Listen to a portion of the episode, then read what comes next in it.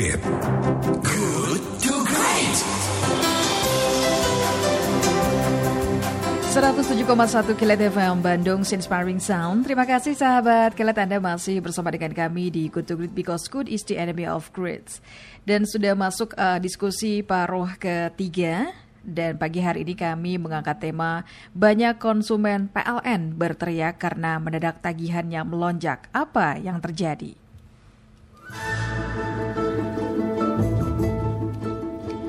Dalam beberapa waktu terakhir selama WFH atau work from home di tengah pandemi corona, banyak warga mengeluhkan membengkaknya tagihan tarif listrik PLN. Salah satu pihak yang menampung laporan keluhan ini adalah Ombudsman RI. Ombudsman menyebut banyak keluhan dari masyarakat. Tagihan listrik pada bulan April kemarin melonjak secara berlipat ganda. Padahal pemakaian listrik oleh pelanggan dianggap normal-normal saja.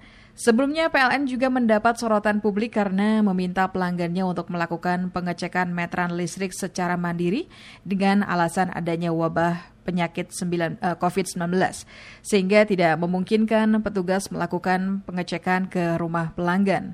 Terkait ini, sudah menjadi uh, hak dari pelanggan untuk mendapatkan pelayanan prima dari PLN. Uh, penerangan listrik merupakan kebutuhan primer bagi masyarakat. Maka seharusnya pimpinan PLN menyadari kalau sektor ini merupakan bagian pelayanan kebutuhan yang harus dilakukan secara prima. Apalagi di tengah kelesuan pendapatan masyarakat dipicu darurat kesehatan akibat wabah virus corona. Sehingga mestinya PLN tidak asal-asalan dan mesti cermat agar masyarakat tidak semakin bertambah berat beban hidupnya. Komisioner Ombudsman Republik Indonesia Laude Ida menduga PLN telah melakukan maladministrasi dan tidak profesional dalam memberikan pelayanan kepada masyarakat. Lantas menanggapi banyaknya keluhan konsumen PLN karena mendadak tagihannya melonjak, apa yang bisa dilakukan oleh konsumen? Di sisi lain, bagaimana mestinya manajemen PLN merespon banyaknya keluhan konsumen di tengah pandemi corona? Nah, untuk membahas hal tersebut, kita akan menghadirkan narasumber di pagi hari ini yaitu Ketua Pengurus Harian Yayasan Lembaga Konsumen Indonesia atau YLKI yaitu Bapak Tulus Abadi.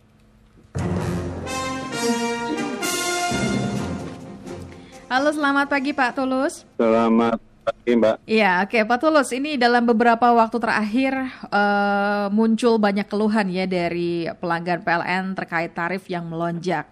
Bagaimana tanggapan YLKI menyikapi ini, Pak? Ya, pertama ada tiga yang memang harus kita evaluasi terhadap fenomena melonjaknya tagihan listrik konsumen selama masa pandemi atau selama work from home, ya. Yang kita evaluasi mulai dari pemerintah PLN dan juga konsumen. Mengapa? Ya memang internal karena wabah ini kan kejadiannya tiba-tiba sehingga tidak ada persiapan yang matang. Mm-hmm. Nah sejak awal mestinya uh, pemerintah dan juga PLN itu mestinya memberikan, memberikan informasi kepada masyarakat terkait dengan fenomena yang akan terjadi terkait dengan penggunaan uh, listriknya, yaitu adanya kemungkinan uh, kenaikan tagihan dan juga uh, tidak datangnya petugas pencatat meter ke rumah-rumah. Mm. Nah, terutama adalah fenomena uh, melonjaknya tagihan karena dengan work from home kan masyarakat pasti kemudian uh, pemakaiannya menjadi bertambah ya karena aktivitasnya menjadi berbasis di rumah. Mm. Mulai dari hal-hal yang sepele, mulai dari kipas angin yang menyala terus, AC, lampu, laptop dan juga air dan segala macam. Ini implikasinya kepada uh, pemakaian listrik dan kemudian endingnya adalah bagian pada bulan berikutnya. Dan sayangnya tetap ini tidak diinformasikan dengan baik di awal oleh PLN mm-hmm. sehingga konsumen tidak mengerti atau tidak menyadari bukan tidak mengerti tidak menyadari bahwa itu akan berimplikasi kepada uh, pemakaian dan juga kepada tagihannya.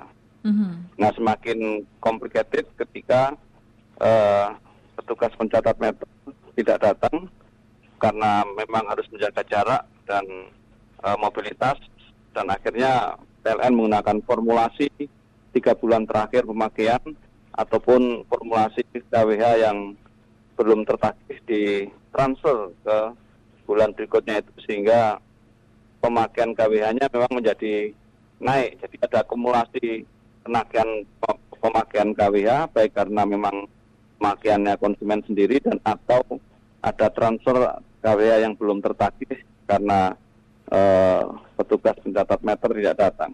Mm-hmm. Oke. Okay. Yeah. Di sini sebenarnya persoalannya adalah miskomunikasi dari hmm. uh, masyarakat yang karena tidak ada komunikasi yang dibangun dengan baik oleh PLN dan kedua konsumen tidak menyadari hal itu. Hmm. Oke. Pak Tulus, ini uh, lantas menanggapi banyak banyaknya keluhan-keluhan dari konsumen PLN karena uh, mendadak tagihannya melonjak tadi karena akumulasi seperti yang Anda jelaskan. Apa yang bisa dilakukan oleh konsumen, Pak, apalagi di tengah pandemi corona seperti ini? Ya, pertama uh, definisi melonjaknya itu sampai berapa persen. Kalau definisi melonjak tentu minimal 50 atau bahkan 100 persen atau bahkan lebih. Ya saya kira yang paling paling apa sesuai dengan prosedur ya pertama melakukan klarifikasi kepada PLN setempat. Kenapa melonjak seperti itu. Ya karena karena uh, kalau melonjak memang menjadi sangat tinggi. Tetapi itu juga kalau menurut keterangan PLN dengan formulasi yang diberikan itu nanti selain uh, karena pemakaiannya naik itu sendiri ya tapi juga ada KWH yang diakumulasikan tadi nanti itu akan dikembalikan kepada konsumen di bulan berikutnya lagi. Mm-hmm. Sebagai contoh ketika saya kemarin bulan Mei eh bulan April tagihannya juga naik signifikan ya tetapi di bulan Mei tagihan saya turun karena tadi KWH tertagihnya sudah dikembalikan oleh PLN dan kemudian uh, tagihannya jadi naik tetapi tidak tidak sampai uh, melonjak seperti bulan berikutnya. Nah ini yang saya kira konsumen harus menunggu kira-kira ada penurunan tagihan nggak di bulan berikutnya. Mm-hmm. Iya. Pak Tulus, ini di sisi lain bagaimana mestinya manajemen PLN merespons banyaknya keluhan konsumen di tengah pandemi corona seperti ini? Ya sebenarnya kan PLN punya call center 123 ya. Itu yang mestinya dimanfaatkan oleh konsumen dan kemarin juga kita sudah uh, saya sudah mengkritik PLN agar membuat posko pengaduan dan itu sudah membuat posko yang lebih proaktif untuk uh, konfirmasi tagihan-tagihan ini kepada uh, konsumen dan beberapa hari yang lalu saya juga sudah rapat dengan Kementerian Ketenagalistrikan PSDM dan juga PLN untuk diminta langkah-langkah yang strategis untuk mengantisipasi lonjakan-lonjakan itu. Mm -hmm. Oke, okay. Pak, ini uh, terkait hal tersebut, ini kan tadi sudah Bapak jelaskan bahwa ini terjadi uh, akumulasi ya, sehingga tagihan dilimpahkan atau carry over ke penggunaan bulan April gitu ya. Uh, mekanismenya yang berubah mengenai tagihan listrik, uh, itu yang menjadi alasan konsumsi listrik menjadi uh, maksudnya menjadi lebih tinggi uh, melonjak. Nah, ini uh, apakah PLN sebelumnya tidak menginformasikan kepada masyarakat sehingga masyarakat kaget begitu? Ya, sebenarnya bukan kali pertama kalau PLN melakukan seperti ini ya. Kalau kalau saya pernah ngalami juga misalnya ketika ini mudik lebaran begini misalnya mudik lebaran banyak petugas pencatat meter yang juga mudik. Akhirnya eh, tenaga pencatat meter menjadi sangat berkurang atau bahkan hampir tidak ada. Sehingga akhirnya PLN juga melakukan formulasi penghitungan tagihan dengan rata-rata tiga bulan terakhir. Mm-hmm. Nah sebenarnya ini bukan kali-kali pertama tetapi sudah sering dilakukan ketika ada gangguan khususnya petugas pencatat meter yang yang tidak datang karena alasan-alasan tertentu seperti mudik lebaran itu.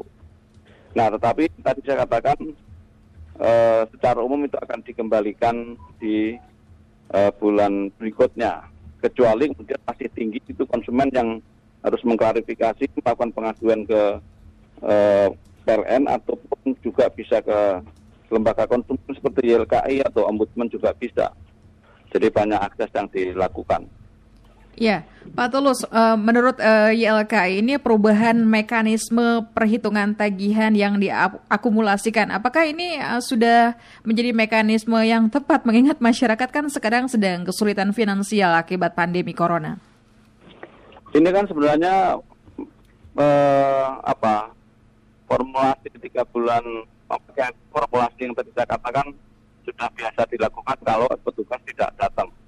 Nah, kalau dalam hal ini sebenarnya kan tagihan naik di satu sisi karena uh, memang ada pemakaian yang naik dari konsumen, ya sebenarnya tidak ada kenaikan tarif itu yang harus digarisbawahi karena naikkan tarif itu ranahnya pemerintah bukan ranahnya PLN. Mm. Ya jadi tidak bisa serta merta menaikkan tarif tanpa ada dasar hukum yang jelas dari pemerintah. Tetapi murni tadi faktor pemakaian dan kedua miskomunikasi yang tidak dibangun dengan baik oleh PLN sehingga terjadi uh, kesimpang siuran dan kemudian tagihannya uh, di awal akan mengalami kenaikan tapi dari yang tadi dikatakan carry over itu nanti bulan berikutnya akan normal.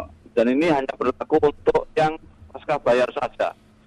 Ya yang prabayar tidak kena efek karena tidak ada mekanisme pencatatan meter Oke, Pak Tulus, ini uh, sebelumnya uh, eh, PLN juga dikritik ya banyak sekali oleh masyarakat karena meminta pelanggannya untuk melakukan penge pengecekan meteran listrik secara mandiri dengan alasan adanya wabah penyakit virus corona. Ini terkesan uh, apa ya kurang profesional. Bagaimana tanggapan Anda? Ya, pertama kalau wabah ini kan tidak bisa kita hindari. Semua tidak menyangka akan terjadi wabah seperti ini kan. Artinya memang uh, adanya di mana kita harus tinggal di rumah dan menjaga jarak otomatis itu akan menjadi masalah kalau ada yang melakukan pergerakan-pergerakan itu. Termasuk pencatat meter yang datang itu dalam banyak kasus itu juga diusir oleh konsumen karena konsumen tidak mampu ada orang luar yang datang dan kemudian berpotensi mengeluarkan ya dan ini sebenarnya kalau dari pengalaman di luar negeri di negara-negara maju uh, mencatat meter itu memang dilakukan oleh konsumen dengan cara menginput itu stand meter pemakaian dan kemudian mengirim kepada uh, eh, PLN setempat. Jadi petugas mencatat meter yang saya baca di uh, Prancis misalnya dia akan datang setahun sekali untuk mengecek ulang tagihan uh, pemakaian konsumen, tapi setiap bulannya dilakukan oleh konsumen sendiri. Hmm, ya. Pak Tulus, ini tadi kan Anda memaparkan bahwa salah satu alasan terkait hal ini adalah miskom ya. Lantas ya. upaya-upaya ya. apa yang mesti dilakukan oleh PLN? Ya pertama memperbaiki pola komunikasi kepada konsumen, kepada masyarakat dalam hal apa pun sehingga tidak terjadi uh, apa namanya itu atau tidak terjadi kegaduhan-kegaduhan yang tidak diperlukan apalagi kita di tengah pandemi seperti ini. Kedua, penanganan pengaduan yang baik, tadi membentuk posko dan segala macam dan responsif sehingga uh, apa tidak terjadi hal-hal yang tidak diinginkan dan jangan defensif dari PLN-nya. Karena kita harus me, apa, meng, menyadari harus mengapresiasi konsumen. Ini kan konsumen uh, dalam tekanan stres ya, di mana uh, wabahnya sendiri, stres terhadap income yang turun dan kemudian ada dirasakan ada tagihan yang naik dan kemudian ada sinyalemen-sinyalemen bahwa ini untuk mensubsidi silang dari golongan 450 volt ampere dan 900 volt ampere yang eh, digratiskan atau didiskon sehingga kelompok yang lebih tinggi dikorbankan untuk itu. Itu yang kemudian terjadi tuduhan di masyarakat gitu. Iya, Pak Tulus yang terakhir, masukan-masukan ini dari uh, eh, YLKI pada pemerintah terkait ini mengingat bukankah listrik menjadi salah satu komponen kebutuhan primer masyarakat sehingga harapannya ini tidak semakin menambah beban masyarakat di tengah pandemi. Silakan Pak. Sekali lagi sebenarnya ini tidak ada beban baru kecuali atas pemakaian konsumen sendiri. Mengapa tidak saya katakan tidak ada beban baru? Karena tidak ada kenaikan tarif dari pemerintah atau uh, eh, PLN sendiri. Jadi beban baru atau tagihan yang tinggi itu sebenarnya selain karena carry over yang nanti akan dikembalikan lagi juga lebih ininya karena pemakaian konsumen karena work from home itu. Ini yang tadi di awal saya tandaskan tidak ada informasi yang jelas kepada masyarakat ataupun himbauan-himbauan kepada masyarakat agar konsumen selama work from home itu misalnya melakukan penghematan penggunaan uh, listriknya, penggunaan energi listrik. Tetapi secara regulasi tidak ada beban baru dalam arti kenaikan uh, tarif listrik. Justru kan pemerintah menggratiskan yang 450 yang jumlah pelanggannya itu sekitar 23 juta di seluruh Indonesia dan memberikan diskon kepada pelanggan 900 ampere untuk sekitar 13 juta pelanggan.